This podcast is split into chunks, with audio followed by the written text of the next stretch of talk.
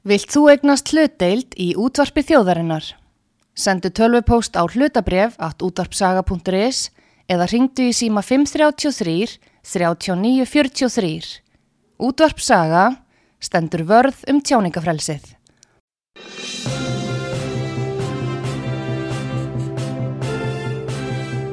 Þú ert að hlusta á frettir virkunar á útvarpi sögu. Já, komið þið sæl eh, til að hlusta á útvarsögu Artrúð Kallstóttur og Pétur Gullarsson hér eh, í frettum virkunar og eh, við ætlum að koma víða við, er það ekki Pétur? Jú.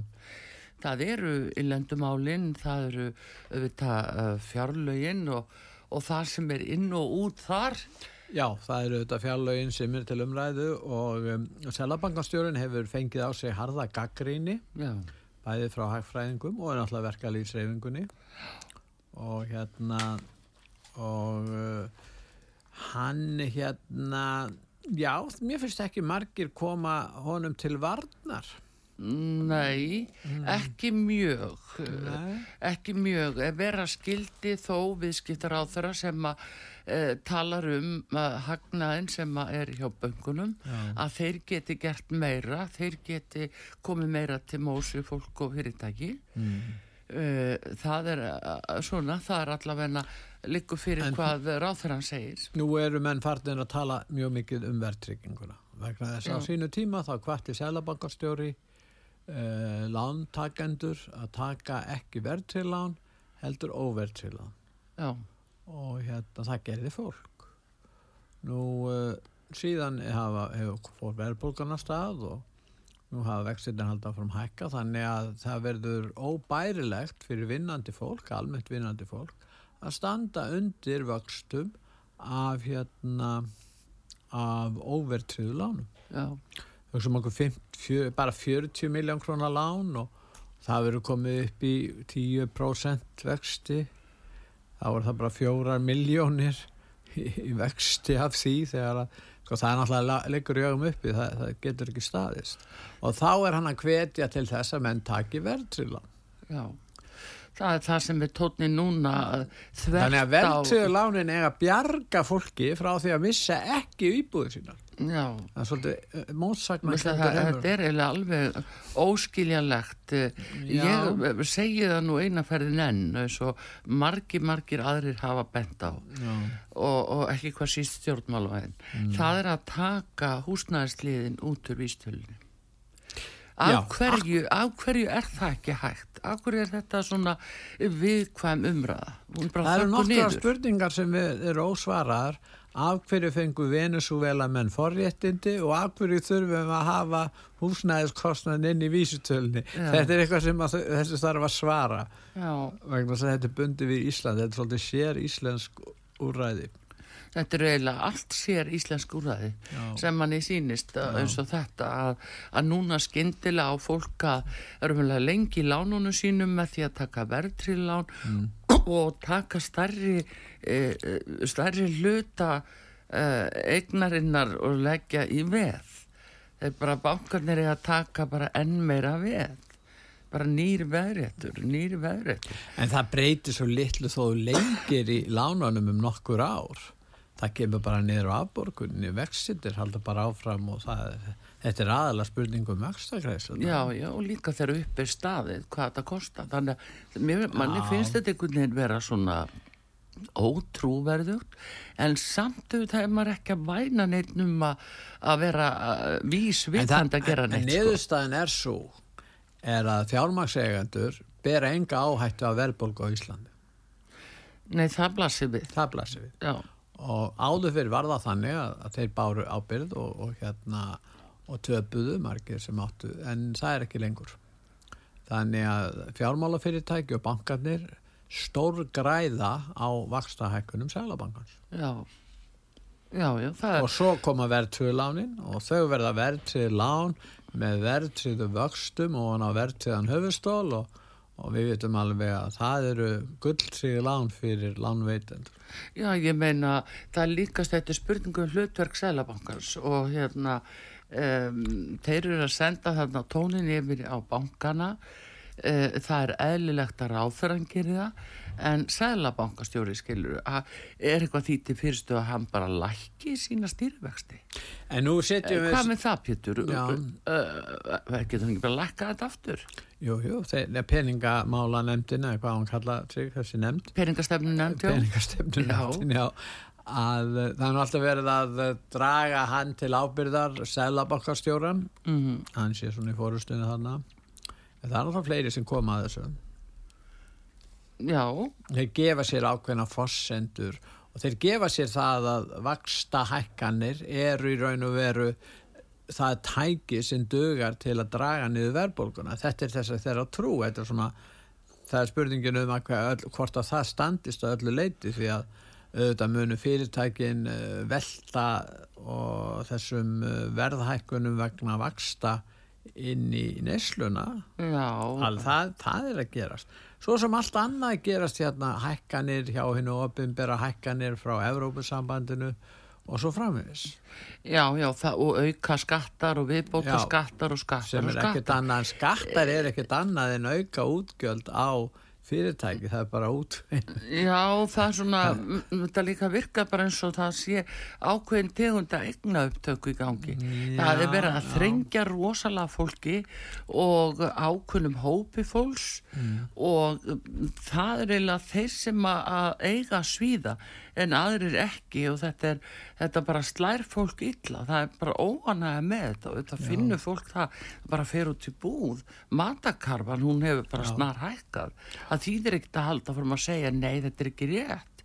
Þetta er rétt. Það, það er alveg sama hvað litið. Ríki gengur líka undan með því að hækka gjöldu svo segir Laun og bætur eru háar, þetta eru háar bætur og hálaun á Íslandi í samanburði við flestönu vestran ríki. Mm. en dýstíðin er líka miklu, miklu, miklu meir Já, og sjá... þá vilja menn þá tekjur frá Íslandi mm.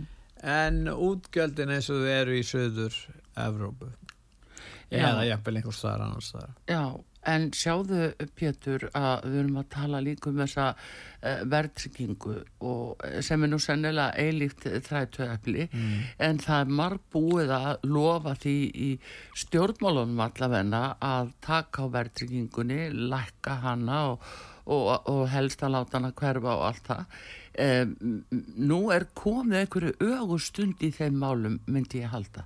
Það eru framöndan samningar og það er verkalýsreifingin Eh, sem að stendur líka frammi fyrir því að fara að semja núna einaferðina enn samkvæmt einhverjum loborðum og uh, áætlun um að hlutinni standist eins og gerðist nú bara þannig fyrra að var reikna með því að Sælabankin myndi ekki hækka vexti, verðbólgan myndi ekki hækka og, og það stóðst ekki þannig að þeir sem skrifið undir samninga á síðast ári þeir voru bara svikni hvað þetta varðar. Búið, þetta er að fullur reynd það búið að sína sig hvernig brúðist þið við. Þannig að þeir sem er að fara í samninga núna þurfa raunverulega að grípa til þess ráðs að eða segja við eins og stjórnvöld að svo við setjumst ekkit að samningaborði fyrir þeir eru búinir að, að taka á verðtryggingunni. Við skulum þeim... bara gera það fyrst ef við höfum að hafa fossundu til þess að trú ykkur? Já, þeir munu þetta leggja áherslu á ákveðna þætti eins og til dæmis húsnæðismálin. En hver er þá látin greiða fyrir niðurgreisla húsnæði? Það er þetta skattgreðendur sem að lenda í því. Og þá alltaf er að fara Húsnæðislánin með verðriðulánin, mennaru? Nei, ég minna, sko, nú, stend, nú er það sko, fólk hefur ekki efna á því stendst ekki greiðslumat. Mm. getur ekki eignast húsnæði. Leyendur er í mjög erveiklu stöðu. Þannig að það krafan er uh, að taka á þessu helsta sko, mestu útgjöld heimilina helstu útgjöldin er tengjast húsnæðismálan og þess vegna munu hérna kjara umræðunar kjara viðræðunar snúast um það En, en hvaða lausn er í sjónmáli? A, að ríki fara að, að hérna, skipta sér meira af, af húsnæðismarka og hvernig ná að fjármagna það? Alltaf ríki að fara að borga með húsnæði fyrir suma? Ríkið það setur leikregluna sem ekki gildi. Já, leik, ég er ekki að tala bara um leikreglur, Já. ég er að tala um líka sko verkalýsefingin það gengur mjög erfiðlega hjá henni að fara að koma með launahækkanir eins og staðin er núna fyrir munu þetta að gera það en vegna, bæði vegna verbulgunar og vegna stöðunar í, í, hérna, í, í, í fjármálum ríkisins og, og, og, og spurningin er þessi hvaða leiðir verða farnar til þess að ná árangri í þessari kjara Já, en er það þá ekki allt eins Petur eins og að þetta viðkvæma mál sem að verðist vera óframkvæmalegt að- taka verðtrygginguna eða húsnæðsliðin út úr vístölunni það þýðir eh, lækkun verðbólgu er það ekki besta kjarabótin í vissum skilningi og það, já. húsnæðis uh, málum Já, þannig að það er raunhæf kjarabót það gæti það verður að vera eitthvað fast í hendi Spurningin er hver stór hlutur af verðbólgunum má rekja til þess að húsnæðiskostnaður er mældur inn í vísitölu. Já, færustu menn hafa nú verið með útreikninga á því og talið að það muni einhverjum prósentum. Já, já, það mun að Ég ætla talast ekki að miklu og gerði um það. það, já. En, uh, En þeir munu hins vegar að segja varandi verðtryggingu að afnema hana. Þeir segja, verðtryggingin er í raun og veru uh, góð fyrir þá einstaklingar sem vilja halda eignum sínum en geta það ekki ef þeir eru að greiða af óvertriðu lánum þar sem vextirnir eru óbærilega háir. Já, jú, jú, og það er Þa- svo staða sem er uppi núna. Já. Sjáðu það fólk sem er með núna þar að renna út uh, skils mér þetta tíambil þar sem að Já. verðtriðuláni voru veitt Já. og nú er því fólki beint í verðtriðlán. Hvernig heldur þú virkilega að því fólki reyði af? En byttu við, Og- og nú var það að sækja um greiðslumat til að fá ná, verð það er það sem ég og bara það getur bara segja. verið að bankin segi, heyrðu, jú, við veittu þeir lána sínu tíma og óverðtrygt en núna hefur þetta allt hækka og þú bara, þínar tekjur standi ekkit undir þessu Já. það, það, það er leikurinn það er nefnilega er leikurinn. þess vegna þarf að taka á því núna. Það þarf að bregðast við núna. Þeir sem að geta fyrst og fremst brugðist við eru þetta ríkisvaldi það er ríkistjórnin þau geta brugðist við og, og hérna girt fyrir eh, svona hluti. En um, það er ekki að það allast til þess að það verði allt á herðum sko samningsaðila kjærasamningum eða verkalýsreifingarinnar þó að það skipti miklu máli að þeir setji skiliði strax. Að, að við bara þurfum ekki, tölum ekki við ykkur ef að þið gerið ekki eitthvað ákveðið. Það, þetta er ekki takt svona. Það er bara sko, einhverju tala um lofásor ekki fjárlögin. gert Við erum að tala um fjárlögin, kostnaðurinn við stef, nýja stefni í húsnæðismálum, kostnaðurinn. Já. Við vitum ekki hver hann verður mikill, en það má alveg búast við því. Nú það eru fleiri mál sem að er að valda kostnaði Jú, hjá... bara núna til að vekja aðtikla á því að þú ert að fara að tala með Vilhelm Birgisson Já. verkalýsleit og Akranesi Já, og formann starfsgrunarsambansins um, þá náttúrulega verður frólægt að heyra hvað hann segir um hvað menn hafa hugsað núna í ljósi þessara síðustu upplýsinga. Bæði frá Sælabankunum og síðan líka út frá fjárlögum. Og stöðu mála allar, allar þetta vegna. Hvað er alltaf að gera? en það er annað mál sem að er deilt um núna, það er út af samgöngumálunum. Já, og þar er borgarlínan sem að hún á að kostar. Nú fjármjörður að segja hún gæti kosta allt upp í 300 miljardar já, það já, er nú talsverð það er nú hannur tala en tala var um upp uppafi það er auðvitað reynd að ná málum í gegn og fá þau samþygt með því að koma með allt og lágar áallanir já, hef, þetta er eitthvað þetta er ekki bara ósiður. Þetta er náttúrulega bara glæpsamlegt skeitingaleysi í fjármálum þegar að stopnarnir og feitafélag og ríki er og, ymsir er að lofa því að sé að ná fram ákveðni framkvæmd á kannski bara brota því kost þeim kostnaði sem að verður síðan. Já, og það sjáum við núna. En ef að þeir eru samþýtt að fara þess að borgarlínu leið þá myndi það kosta 300 miljardar ef þetta væri deilt eða þess að væri deilt á 10 ár þá er það 30 miljardar á ári pluss vextir og sennilega pluss 4 miljardar til viðbótar sem að ríkið á borgareksturinn af, af, af kostnaðin af rekstinu líka. Já, og, og Bjarni var nefnd að tala um þetta á ráðstefnu og þar var deilt ofinbeglega um þetta. Fulltrúa sveitafélagana hérna í Reykjavík vildu fá þetta fram en hann sagði hreinlega, það er ekki til peningar og þetta er náttúrulega fyrsta sinn sem maður heyri það bara segja bara gott hjá það er honum ekki að leggja spilin á borði. Það Já, var mjög í þessu máli, alveg tvímala laust og enda sér hann það, hann getur ekkit, hann getur ekkit gert neitt annað. Nei, ég menna það er búið að vera líka að blása af ymsa vegaframkvæmdir út um all land. Mm. Sigurður Ingi innveðar á þeirra hafði talað fyrir fjölmörgum svona verkefnum sem átt að fara í.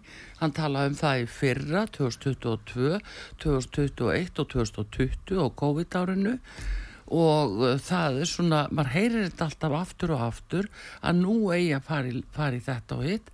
En nú bara þegar að fjárlegin eiginlega voru nú ljós og, og lögð fram þá komi ljós að það væri bara allar þess að framkvæmdi væri meira að minna út á borðinu vegna uh, fjárskorts það er nú bara ekki flóknar þannig að það geta að koma mönnum og óvart þó að, að fjármálar á þeirra segi það bara reynd út, það er ekki til fjárminni það er ekki til 30 miljardar á ári í, í verkefni sem heitir borgarlína. Því að, að við erum náttúrulega líka með strætisvagnakerfi, Pétur, sem að, að ætti að virka. Og ef að það virkar ekki, akkur ætti þá borgarlína að virka? Af því einfallega hún er bara framlenginga strætókerfi liggur aðeins í aðra ráttur og, og, og meira út á óbeði svæði. Það mun líka þýða hækkun á, á húsnæði sem verður byggt þar en það er setni tímamál. En, en eins og þetta er núna þá, þá er óskiljanlegt að sér geta nýta strætisvagnuna betur. En það er annar mál sem að Bjarni þarf að ræðum, það eru kostnæðinu við lofslagsmálin. Nú er það fósittisráð þeirra Bretland sem er farið að, er farin að gera sér grein fyrir því að það er ekki hægt að ná fram þessu markmiðum í baráttunni gegn lofslagsbreytingum á mannavöldum á þessum nauma tíma sem er, sem er settur Já, fram í þessu já. Og, og þá held ég að, að menn ætti að gera sér grein fyrir því að fleiri og fleiri stjórnmálamenn í Evrópu eru farnir að viðurkenna þetta. En þá er einhverjum sagt að það eru kostningar setni partin á næsta ár í Bretlandi og uh, þess vegna er, hvað, Rishi Sunak Súnug, já, hann, Rishi hann er að setja þetta fram. Til þess að ná í einhver atkvæði þá uh, já, sinna manna eða annara þarna Nú, og, og hann, held, já, hann heldur að það geti hjálpað því að staða íhaldsflokksins er svo ömuleg í kannunum Já, en við- staldraði við þetta uh, ef hann til sig þurfa að Já. uh, skipta um skoðun já, þá eða eh, minnst að kosti að, draga úr þessari stefnu Já, voru er þá yfir höfuð að fara áfram með einhverja stefnu sem var í anstöðu, anstöðu við jafnvel meiri hluta þjóðarinnar. Ah. Það það var það bara þannig sem það, það var? er það sem við erum alltaf að sjá hér Já, ég veit ekki til þess að þjóðin hafi endilega samþygt þessar miklu fjárhæðir í þessa, þessi lofslagsmál nei, það er og eitt við sem erum að að, tala um 10, 10 miljardar og fyrst að hann nú farin að tala um hvað kostnæður verður að borgarlínni hann uh, formálur að það þá vil ég heyra tölu frá honum um kostnæðin vegna borgarlínuna það er líka og svo er það náttúrulega þessi gífulegu kostnæður út af og Já. Hælisleitendum þannig að þannig erum að ræða útgjöld þessi, þessi bara borgarlínan hælisleitendur lofslags uh, kostnæður við það, við erum að tala um yfir 100 miljardar og já, en hann meira. er að taka á því.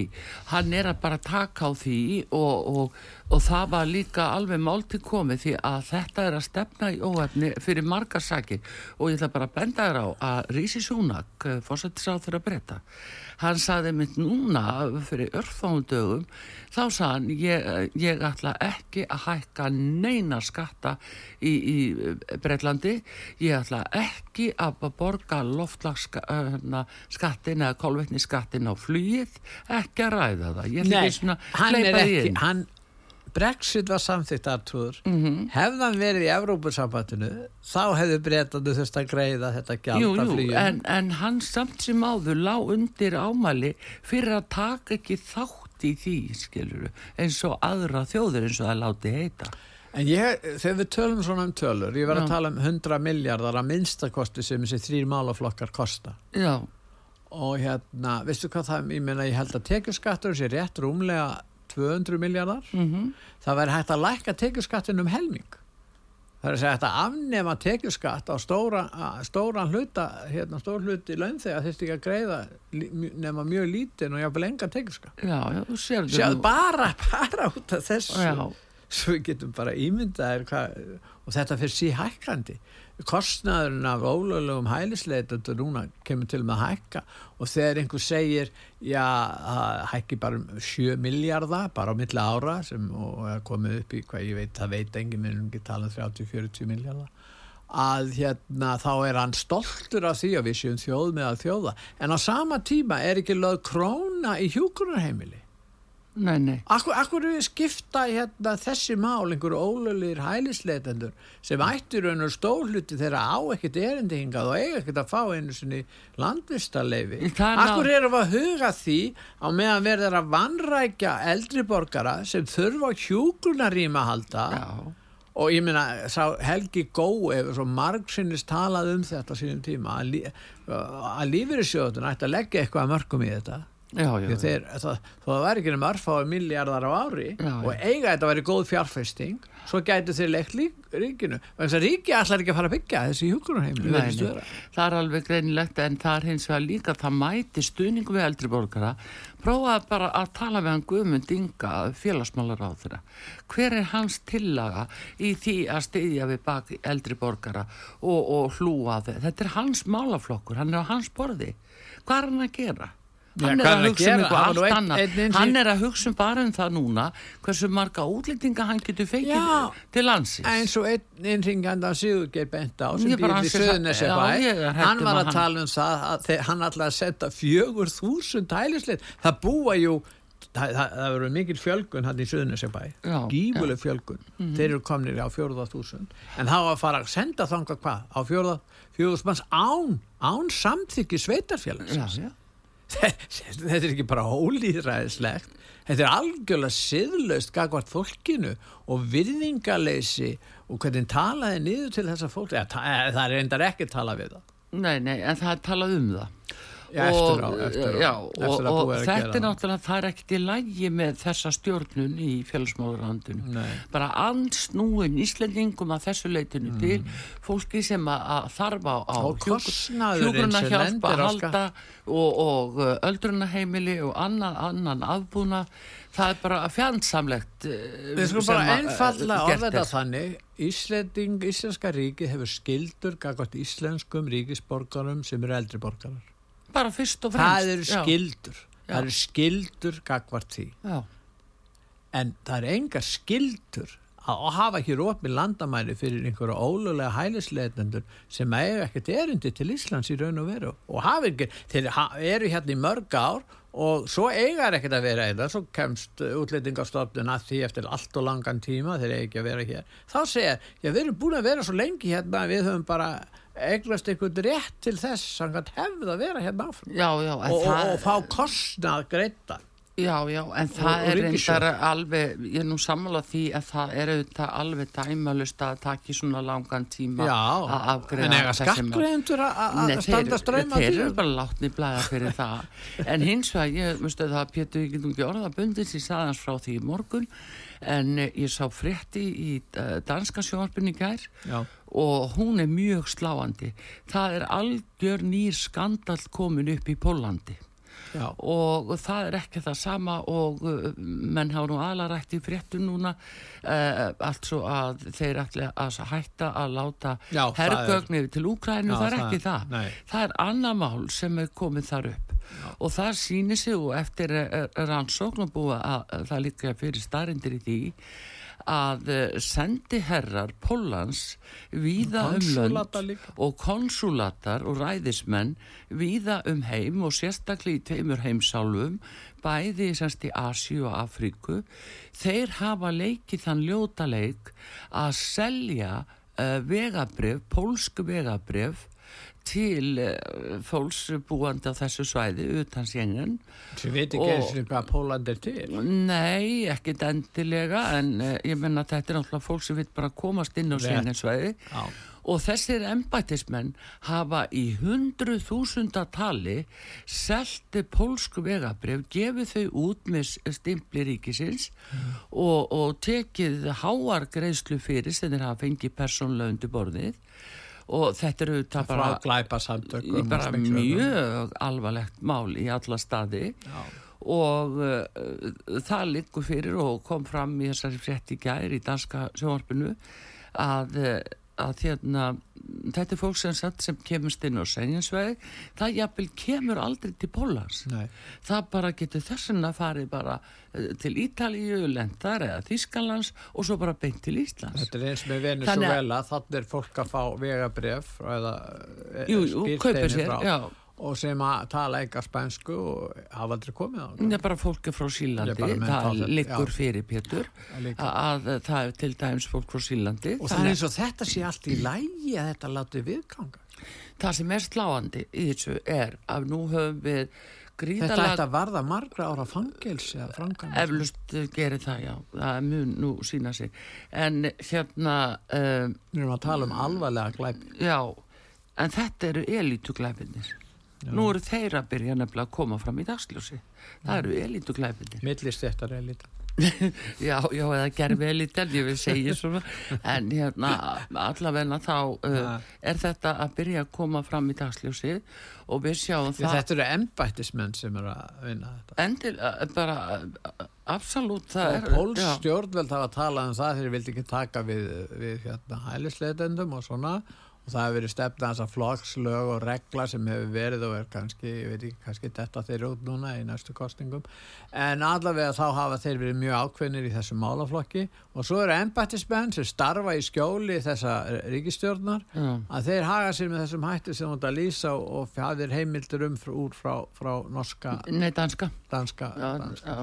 En það er sama, jújú, jú, og það er náttúrulega pólski miðlar og fleiri já, sem, að, sem er að segja frá þessu núna. það. En hérna það er hins vegar sko fyrir okkur Íslendinga sem slíka uh, þetta er ákveðið áfall fyrir okkur vegna þess að við uh, hinga á komið margir áskaplega góðir og, og, og fínir borgarar frá Pólandi unni mikið hérna staði það, kemur, vel, það er tengt þessu. Uh, það er talað jafnvel um að pólska samfélagið á Íslandi séu 20.000 manns en ég heyrði nefnilega nýverið að svo tala væri 30.000 og skildi nú ekki í því að hvernig stæða því að þið getur verið orðinni 30.000 af, af landsmönnum auðvitað rekkum að við svona frettir er partur af uh, þeim sem tilhera pólska samfélaginu, kannski þeim sem eru með íllafengin vegabref sem mm. hafa bara verið keft af aldrei til Pólans komið Já. og þetta er að skemma fyrir því ágæta fólki frá Pólandi Já. sem er hérna Já, þetta við erum á Evróska efnarsvæðin og það er ekki að gilda ákveðna reglur um þá sem geta sem frjálsför gildir um Já. En uh, þetta náttúrulega raskar allir þeirri stöðu þegar þú ætti að lýsa. Heldur betur. Og eidileggur raun og vera grundvöldir fyrir þessu. Já, af því að hættana á því þegar svona gerist, þegar menn komast uh, án þess að vera að skoða þeirra nokkur stöðum Þar getur við verið að uh, flytja inn og hleypin í landi mísindismönnum mm. sem eru byllinis í skipulari glæpastarsimi og hún er orðin svo ráðandi þáttur alveg svo ríkislauruglustjóra embætti hefur verið að benda á síðustu árin, vera fjögur, fimm árin. Og hérna þetta er að verða veruleika eins og þetta er orðið í Svíþjóð núna og bara likku fyrir, þetta eru bara skipul og glæpastarsimi þar sem að innflýtendur látnir fram fremja ákunna glæpi. Það er bara skipul, þetta er bara að vinna og, og eru við að kalla þetta yfir okkur? Já það er einn hópur hérna sem kalla sér frjálslinda frjálslinda, þeir vilja ekki þessi málverðir rannsöku, þeir líta á það sem einhvers konar útlýtinga anduð að vera rannsaka þeirra glæpaklíkur það er vandamál. Já, já, það, það, var, það er búið að vera vandamál lengi. Og frægast að dæmi eru auðvitað frá Breitlandi þegar stór hópur Pakistana misnótið sko, stóran hóp barna, smábarna já, og, og misnótið og settið þau í vændi og svo framvis það var meðal ástafan fyrir því hvað mörg aðkvæði voru greitt með Brexit í norður hluta Englands. Já, já. Það er ekki talað um þetta. Nei, en mennum mitt átt að segja þessu. Já, Mm já. Já, en uh, þar erum við komin að öðru, það eru auðlýsingar sem Já. er að koma núna hér á útarpi sögu Artrúð Kallstóttir og Pétur Gullusson hér í fréttum vikunar við komum aftur eftir auðlýsingar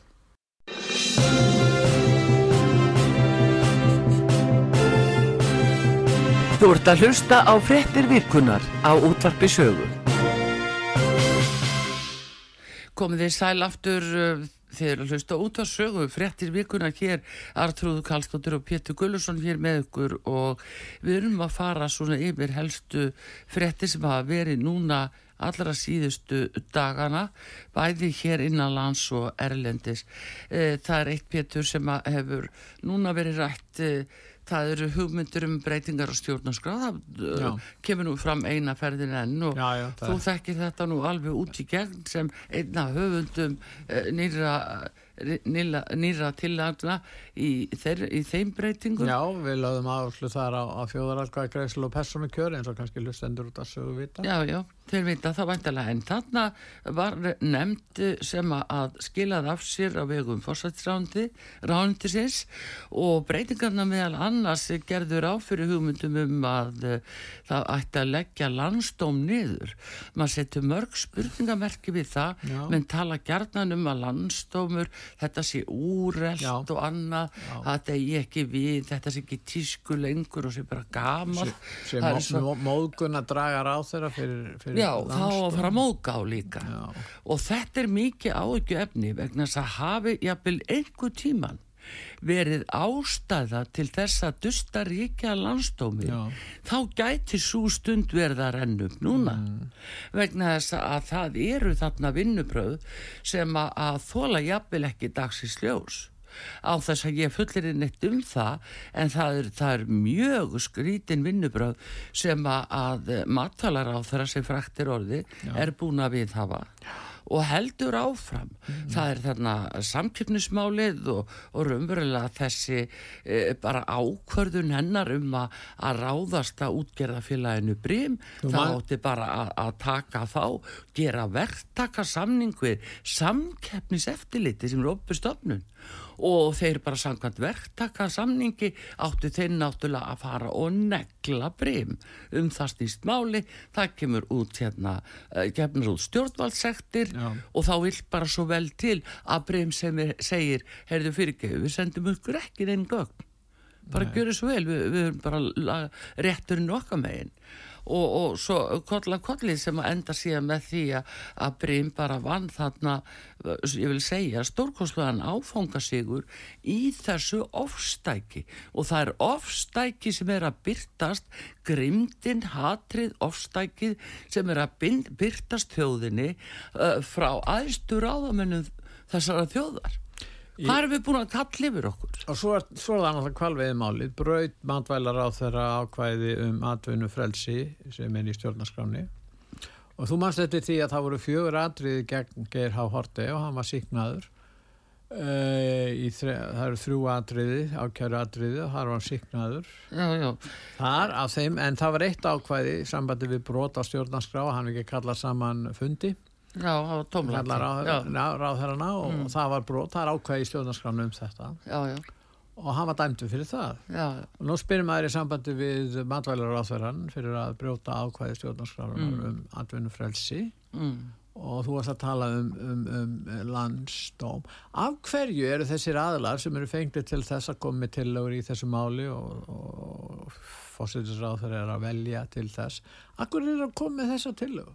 Hvaðan kemur hún? Já, það, ég skal ekki um það segja en þetta hefur alveg uh, þegar eftir sun uh, þegar menn uh, voru náttúrulega ósáttir við hvernig kannski meðferð Geir Horti fekk einn Já. og það var það sem var ámælisvert að hann einnig einelti gegn í gegn honum. Já, en sko þannig að það áttu auðvitað aldrei bara eitthvað að taka hann fyrir.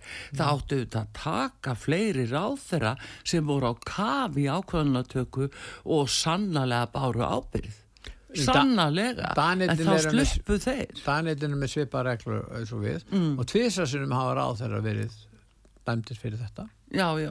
Og hérna, en eh, nú er til dæmis mál í Noregi, það er út af henni Erne Solberg og við vitum ekki hversu alvarlegt það máli er. Það er að koma meira og meira í ljós varðandi samskipti hennar og vittneskja um, um hugsaleg innherja viðskipti eigimannsins. Já, já, já, það er, já, já, og hennar vittnesku jafnvel Já. líka. Þetta er auðvitað algjört, þetta er alveg rótökk á marga vegna þess að nú eru sveitistunum kostningarna nýbúnar í Noregi bara uh, tíu dag gamlar eða eitthvað álíka Mm. úslitin þar sem að hægri flokkur vann stór sigur með Já. 26% Og er stærsti, sanga tífstærsti flokkur. Já, já, já, Mm. en uh, þau nöttu góðs að því að þarna bar fólk tröst til þeirra. Já, en, en vantraust til uh, miðflokksins og verkamannaflokksins vegna hekslismála sem tengdust einmitt Nákvæmlega, Þessu sem hafa verið að koma upp núna allt frá því í mæ í síðastliðin. Já. Fyrst var það nú ráð þeirra sem að réð bara vini síni í vinnu, Já. en samt fullkomlega hæft fólk. Já, já. En af því hún fór í, í sko, hún fór í nánasta umhverfi og valdur fjölskyldinni, fólk sem hún réði í stöður, mjög hæfa einstaklinga, þá þótti það ekki vera við hæfi, hún var í vanhæf til að gera þetta. Það má, sko, og hún var látin segja af sér. Eh, hún var í verkamannafloknum. En þetta er alveg svo hér. Hér vitum við til dæmis að fórsættisáþura velur í fjölskyldinni másinn sem ráþura. Og, og það segir engin eitt við því. En, en ef þetta var í Nóri, þá hefur hún aldrei fengið að gera þetta, segi ég. Eh, sama hefur gerst líka í að svipa því sem er að gerast hér að það eru makar eh, ráþera sem að hafa verið eh, sprækir í, í fjárfestingum.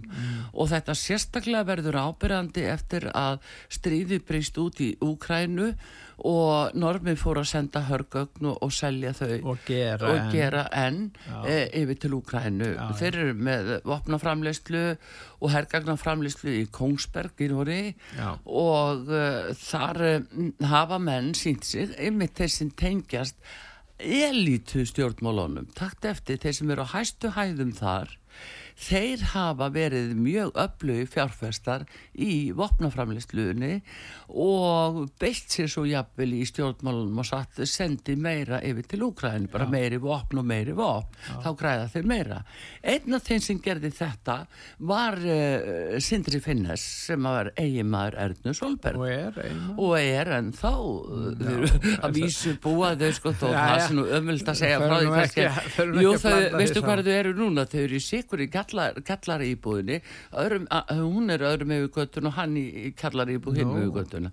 Þannig að Nú, nú. þetta er svona alveg já, já, en Þetta þetta aðri Já. skiptir ekki máli en uh, allavegna það að þarna síndu menn sér því að fara bara eftir því sem þeir vissu uh, frá ríkstjórnaborðinu úr stjórnmálanum hvaða ákvarðinni voru teknar hvar fjárfestingin væri hagstæð og einn af þeim sem þurfti að segja sér í suma var varaformaður sendipartiet Já, og Já. og hérna Í uh, hann var uh, hvað varnamálar á þeirra Já. og hann var nú svo skæður skilur að hann mátti ekki vera að því að vera ráð þeirra því að hann var bara fjárfesta Hann var að kaupa, Kaupa vopn, vopn, láta- hluta breyfi í vopnaframleyslu. þannig að það var bara bara skrautlega En ég skjóð skýt hér inn í þarna aðfóður. Ég var að lista á einmitt franskan sérfræðing Mhm. sem var að tala um það að það sem að, að var að tala um Úkrænu og uh, Evrópubúar get ekki framleitt nægilega mikið vopnum fyrir Úkrænu já, og það er helst helsta vandamáli varandi framtíðina. Já, já. Þannig að tíminn vinnur með rússum sagði þessi frakki sem að stundu Úkrænu já, og, var, og flestir þarna í þættinum.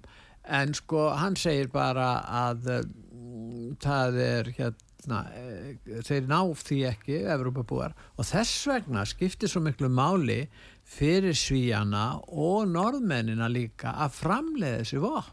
Það því þetta er mjög vöndu vopn já. Þetta eru, þeir eru mjög góðir ef að segja svíjarnir sérstaklega. Já, þekktir vopnaframleiðendur. Og ef að stjórnmálamenn í þessum löndum er að mæla sérstaklega til þess að framleiða miklu meira það alltaf þeir, þeir, þeir framleiðsla stíið mjög hátt fra, þetta, þetta er bara í fullum gangi Þetta og hækka brefin verulega. Var, ég veit ekki hvað þau hækka þetta mikið. var þriðji stærsti útflutningur svíja á sínu tíma. Ég veit ekki hvernig það er Já, núna. það er kannski eitthvað breyst. Það gæti það hafa er spurning hvort það- það sé að komast í sama já. já. Og, og normin náttúrulega gefa ekkit eftir skilur þeir bara heli Þetta eru ákveðin svæði Mhm. sem að framlega vopn. Ég manni hvað heitir hérna eitt, eitt En- nokkuð stort bæjarfélag. Já, en það er allavegna að eh, svona lítur þetta út og þetta eru þessir hagsmunir sem að lítið hefur verið talað um Já. og uh, Og menn þurfi ekki að vera rússa dindlar til að varpa ljósi á þessa spillingu sem tengist þessum hlutabréf. Nei, það er áróðurskýring sko, Já, skil, það- það er bara það- hún í áróður gangi. já, já. Hún í en gangi. það er líka vegna þess að til dæmis eins og við Íslendingar Já. við erum að senda alveg gríðalegt fjármagn já, til alþjóðasjó 5 miljardar í alþjóðabankans til alþjóðabankans. Til þess að okkur er sagt að þetta eigi að fara uh, til að opna kaupa og uh, hjálpa fólki í Ukrænu og ég held að flest allir Íslendinga væri tilbúin að Já. hjálpa fólki á göttum úti sem að missir heimili sín og verður fyrir árásum Algjörlega. ef við höfum enga tryggingu fyrir því að það fólk sé að fá hjálp vegna þess að hinum eins og þar á línunni það voru nú hvað fjórir vararáþurar, fimm vararáþurar sem Selenski létt fara núna að raka á síðustu viku va- sem voru í vardamálaræðundunum Já, þar á já. líka vardamálaræðun minni mig líka hann Já, hann, jú, jú, hann fekk að fjúka. Þannig að þetta er auðvitað það sem spillingin er, þar er bara fjandi laus, það verður bara að segjast þess og er. Og svo er verið að, sko, núna að mæla það og sjá það að það er alltaf að aukast þessi andstaða En- við að setja fjármunni í þetta, af því að menn eru farnir að átta sig á því að þetta gæti verið, sko, allt öðruvísi í spilaborg heldur en að fjöldanum öllum er sagt. Ég held að bandaríkja menn og þingi hafi lofað allt upp í 170 biljón dollara og núna er hann að byggjum Selenski 23 biljón held ég, hvað er það bil og hann er, hann er í bandaríkjónum, hefur verið þar síðustu daga. Og hann, hann hefur verið að ræða við þingmenn. Mhm. því að sumir þingmenn segja við hann við viljum fá að vita hvað varðum þessa peninga. Já, og svo segir ég við erum með það mikinn fjálaga halla við höfum bara ekkert efni á þessi í raun og veru. Já það voru republikarnir Já, það er ekki allir, það er náttúrulega, ég, mér skilst nú að jafnvel meiri hluti republikana vilji halda áfram að, senda peninga hangað og vopn, en það eru komnað fram rættir uh, sem að segja og vilja fá skýringar á hvernig þessum mikla, þetta við erum að tala um kífulega hátt hátt hlutvall, við erum að tala um gífulega hátt uh, Já, framlag Sko, bara Pétur til að segja Nú, það hreint út það sem er svona í umræðinu víða um lönd að þá er óttast með það að þarna sé um peninga þvætti að ræða að peningandi skilir sér ekki til almenna borgara, jafnvel ekki til þess að kaupa vopni svo til er ætlast og veita þeim það hjálp sem þeir nöysilega þurfa og uh, fjármunir fari einhver stað tilbaka eftir óellu leiðum vegna þess að það er alveg vitamál og lungu, lungu, lungu vita að það hafi verið svona uh, peningaþvottastöð í Úkrænu. Þetta hefur komið upp slík mál alla götu frá árinu 2014 og í Estóníu og fleiri löndum þannig að, og tegði sinni til Danmörku. En, en það er aðtiklisvert að, að þeir sem er að gaggrýna þetta eru alltaf bestu vinir Úkrænu eru pólverjar. Já, þeir hafa verið það og hérna, en núna eru pólskir eh, hérna, stjórnmálamenn og ymsir að gaggrýna Úkrænu og þeir meðal annars segja að það sé elítan í Úkrænu sem ekki er hægt að treysta. Þeir stiði þetta úkrænsku þjóðina og, og fullveldis rétt hennar. En þeir eru hættir að treysta uh, stjórnvöldum já, í, í Úkrænu og, hérna, og þetta, er, þetta er það sem er að gera svona, þeir tala um að ólíkarkarnir uh, stjórni þarna í Úkrænu og nú er þeir búin að lýsa því yfir þeir er allir ekki að senda Uh, uh, það er búið að uh, Úkræna kærði þá fyrir hérna á, á, á út út af kornunum og, já, og kornútflutningi, nokkur já. önnu Mm. ríki í Evrópu og Evrópa tekur ekki málstað þessara ríkja sem er held í Slovakia, og Pólland, Bulgaria og, Póland og kannski fleiri Mhm. og eh, heldur málstað Ungar þetta er svona samt ber, ber Európa-sambandinu að standa með sko sínum meðlumaríkjum Já, þannig að þetta er orðið mjög skrítið vandamál og það er ekki hægt að stilla þessu lengur upp sem svart og hvít þetta er miklu flokknari Já, mál já, það út af því sko, oljugarkaðin sem þú talar um það í Úkrænu, þeir hafa verið þar allavega í inn 20 ár sko, vegna þess að þetta er að hluta til aðla sem að Putin hent úr landi eh, Já. og hýrti af þeim þess að þeir voru búin að stela af rúsnesku þjóðunni og þeir fóru að hluta til yfir til Úkrænu, það þeir mynda sitt djúbríki þar og að krefjast þess að fá náttúrulega bita kökunni. Og, og selenski lítur að vera bara í alveg stórfeldum erfileikum að halda uppi vörnum hafa gagsókn standa undir þessu öllu saman. Þetta er Mm. Já, alltaf gríðalegt álag fyrir þann Já. mann alveg svakalegt Hann vann álag kostningarna 2019 og fekk 75% Já. en hans stefna var friðastefna. Já. Hann vildi semja frið um ösku hlutan. já, já Síðan vitum við hvernig þetta hefur Já, því já, hann fekk bara ekki að gera það fyrir þessum frekju hundum þarna Já, og svo, og svo er það breytar og bandaríkjamenn hvort þeir hafi staðið gegn Minsk samkúmulægin sem Úkræni var búin að samþykja. Jú, jú, og landi eh, fyrir hérna, Fraklandsforsendi er búin að Já. lýsa, það, lýsa því Já. yfir það hefur aldrei Og það spurningin, hverjir er það í raun og veru sem er að eðalega þetta fyrir úr, en svo er hver ber byrðarnar? Það eru úkrænska þjóðin og svo einhverjur ungi menn í Rúslandi sem er að deyja í tilgangslösu stríði. Já, og, og Ukrænu, það er alltaf það sem er það hræðilegast í þessu. Og hins vegar eins og núna stað, núna náttúrulega að, að við sjáum það að nú hafa fengið mikið af öflugum vopnum og þannig að þeir eru farnir að, að komast miklu lengra í eh, gagsókn á rúsa Já. eins og það fyrir eðlöðu loftvarnakerfinir og krím og fleira Já, sem að, að þeir hafa náð miklu En meiri þeir eru ekki að árangri fá þessi vögn, bæði frakkar og þjóðverjar eiga ákveðnar eldflögar sem aðra þjóðir í Evrópu eiga ekki. Bretarnir letu einhverjar hendi en, en þeir gera það ekki. Akkur mm. gera þjóðverjar og frakkar það ekki? Akkur hjálpa þeir ekki Úkræna? Þeir, gera, þeir gera það ekki. Nei.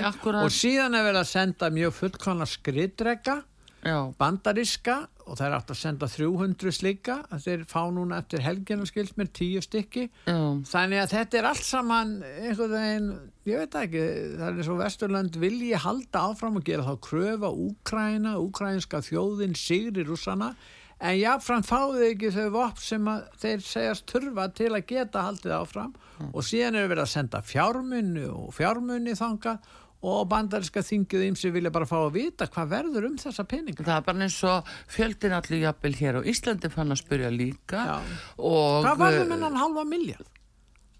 Nei, halva miljard, segi, 5 miljardar, Milljarða, 5 miljardar já. sem að fóru í fyrra. Hvernig var þeim rástafa? Hvert var þeim sendir? já, já.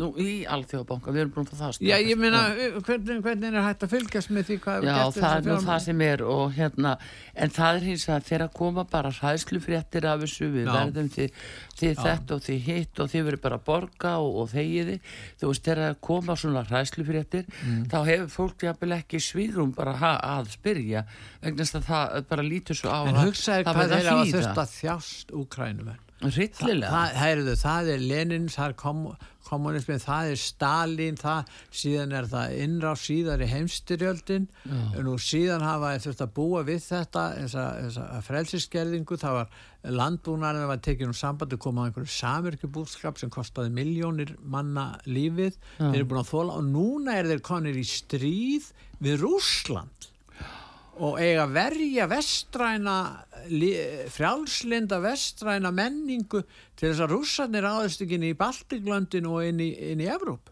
Já, haldið Evrópu, fram. Já, ég menna, það er bara bull. Nei, en ég ég veit að það er svo... ég meina að nota úkrænsku þjóðina Mhm. í þetta og auðvitað er hún þjóð auðvitað er hún þjóðirni sinnu Þe, þeir eru það og þeir eru reyðbúin að deyja fyrir sitt föðuland en, en hver, hver, hverjir er á mistönd og hvað er búið að gera við þetta fólk og, ég, og þetta, þetta, er- þe- þannig að þetta, þetta mál hérna og hefur alls ekki fengið eðlilega umfjöllur hér á Vesturland Nei, bara ekki út frá þeim, því að raunverulega því sem er að gerast. Eh, En uh, það er hins vegar, uh, svo skoðum við líka þátt Íslands. Ísland hefur aldrei nokkuð tíma spennt bóðan svona hátt og Nei. affjúpa sig sem einhver herþjóð Já. bara, uh, herská þjóð Rétt. sem er tilbúin að skjóta næsta mann ef þeim sýnist svo. Þetta við þessi byrtingament hefur aldrei verið gefið á Íslandi áður. Litið svo á við værum herrlaus þjóð, Og friðaríki. friðaríki Já, og, og lýsum ekki stöðningi við eitthvað stríðsæðila. En við fórum að gera það og vorum þarna meðal þeirna vilju þjóða og svo er Líbíu líka og svo núna og, þetta er bara mjög slæm þróun. en þau sjáum það líka að áherslan er, hún er á borði fórsættisráðara, hún er að stýra þessu öllu, þetta finnst henni í lagi, eðlilegt að, að Ísland sé alveg á kafi með þessum hætti og þessari íhlutun á fjölmörgun sviðum. Í menningunni, það verður að stúta menningunni hérna á Íslandi, við getum tekið bara eins og hérna núna nýjasta máli, það er kynfræðst í skólum, eins og það ber að, fólk er bara skelka, foreldrar í stórum stíl er að leita bara ráða hvar þeir geta, hvernig geta ná börnunum sínum út úr þessu, þau hafa ekki öðlast hann þroska til þess að taka á móti þessum upplýsingum sem eru matritar og toppur náði alveg er af því það vantar nú ekki kröfunnar og snoppið í æði marga hluti hérna í landinu. Já. eins og til dæmis það ef þú skrifa kennslubók fyrir börn þá skaltu nú gjössulega hafa prófi uppeldis og, og kennslufræðum takk. Og vertu bara aldilis með þau próf í lægi Já. en svo þegar það er skoðað þá er þetta kanadísku maður sem er kinnfræðingur sem skrifar þetta en hann er ekki eh, uppeldis eða kennslu, Þetta með á... og síðan þessi bók send til Íslands hún er þýtt hér eins og engi væri morgundagurinn og dreift hér í grunnskóla. Og síðan er bara staðið fram já þið bara kunni ekki að meta betra skólan í kenni þetta. Já, já. Ég meina hvers konar er þetta Pétur, sko mér finnst þetta bara, þetta er svo fyrir neðan þetta er svo mikið sko blíðunar kendar brot í sjálfu sér að mér er segja fullorðnu fólki finnst það ekki geta lesið þetta að bara af, af blíðunar uh, skömm. Já, þetta er bara Við, við, við erum treg til að lesa upp úr þessari bók og fólk heyri ég bransir En hætt um börn er að lesa þetta. Já, og ég veit um þingmann sem hafði hug á því að, að lesa þetta uh, úr pontu alþingis. En ef þessi- hann fengi leifi hjá þingforseta til þess að því það þótti jafnvel dónalegt að lesa það í þinginu fyrir íslenska þingmenn. En það má vera með þetta inn í grunnskólulandsins Það er svo að sé verið að búa til einhver vandamál. það er verið En aðli tökum dæmi vorum að tala á hann um NATO og vorum að tala á hann um, um Ukrænu.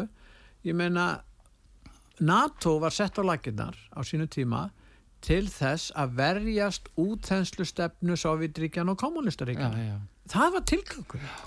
Og, og hérna síðan þegar kommunismin legsta eða, eða, eða í 1989 þá fellur Östublokkin og síðan Sovjetríkin 1991. Eftir það átt að leggja NATO niður. já. Kommunismin var ekki þar með til, það var ekki hætt af útþenslu stefnu uh, kommunismans og þá, nei, hvað gerist þá? Þá er alltaf í hennu NATO að leggja áherslu og búin að lofa því að við fara ekki í austur átt þeir gerðu það strax, bættu við öllum þessum ríkjum í austur-Európu inn í NATO já. og síðan allt heldur áfram og það endaði náttúrulega í þessu Úkrænu átökum og, og af hverju, hver er tilgangurinn? Voru menn að halda því fram að eftir að rússarnir lögðu niður kommunistiska kerfi sitt að þeir myndu hyggjast ráðast inn í Evrópu. Þeir voru, nýtt, þú þarft ekki að heyra bara uh, samskipti Pútín og rússa og Vesturlanda árunum kannski 2008, 2000 á aldamótum til- til 2008 og jafnvel 2010 þau voru bara mjög góð hann var bara hluti og hann, hann þannig að við vorum bara að- stórauka viðskiptun og auðvitað náttúrulega áttu Vesturlönd að, innleið einhvers konar marsjálfhjálp til að bæta stöðu rússa og, og Östur-Evrópu eftir þessa ræðilegu reynslu að vera þarna í þessu kommunistakerfi Já. og svo ömulega efnaðaskerfi sem sósialismin er og var. Já, En það var ekki gert. En hefðu þeir bara lagt niður NATO eftir þetta? En því miður þá fóru þeir að ebla það og núna eru þeir komnir við það og halda áfram að þennjast. já, já.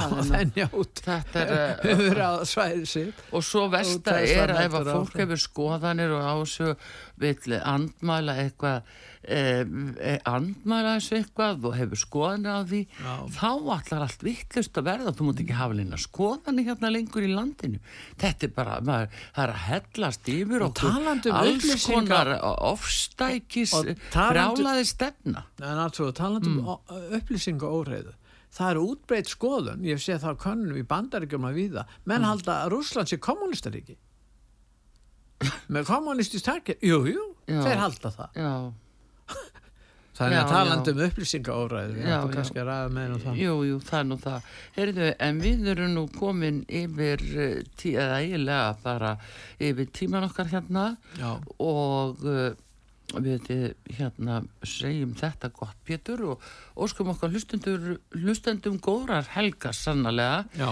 og uh, halda gleði sinni þrátt fyrir allt.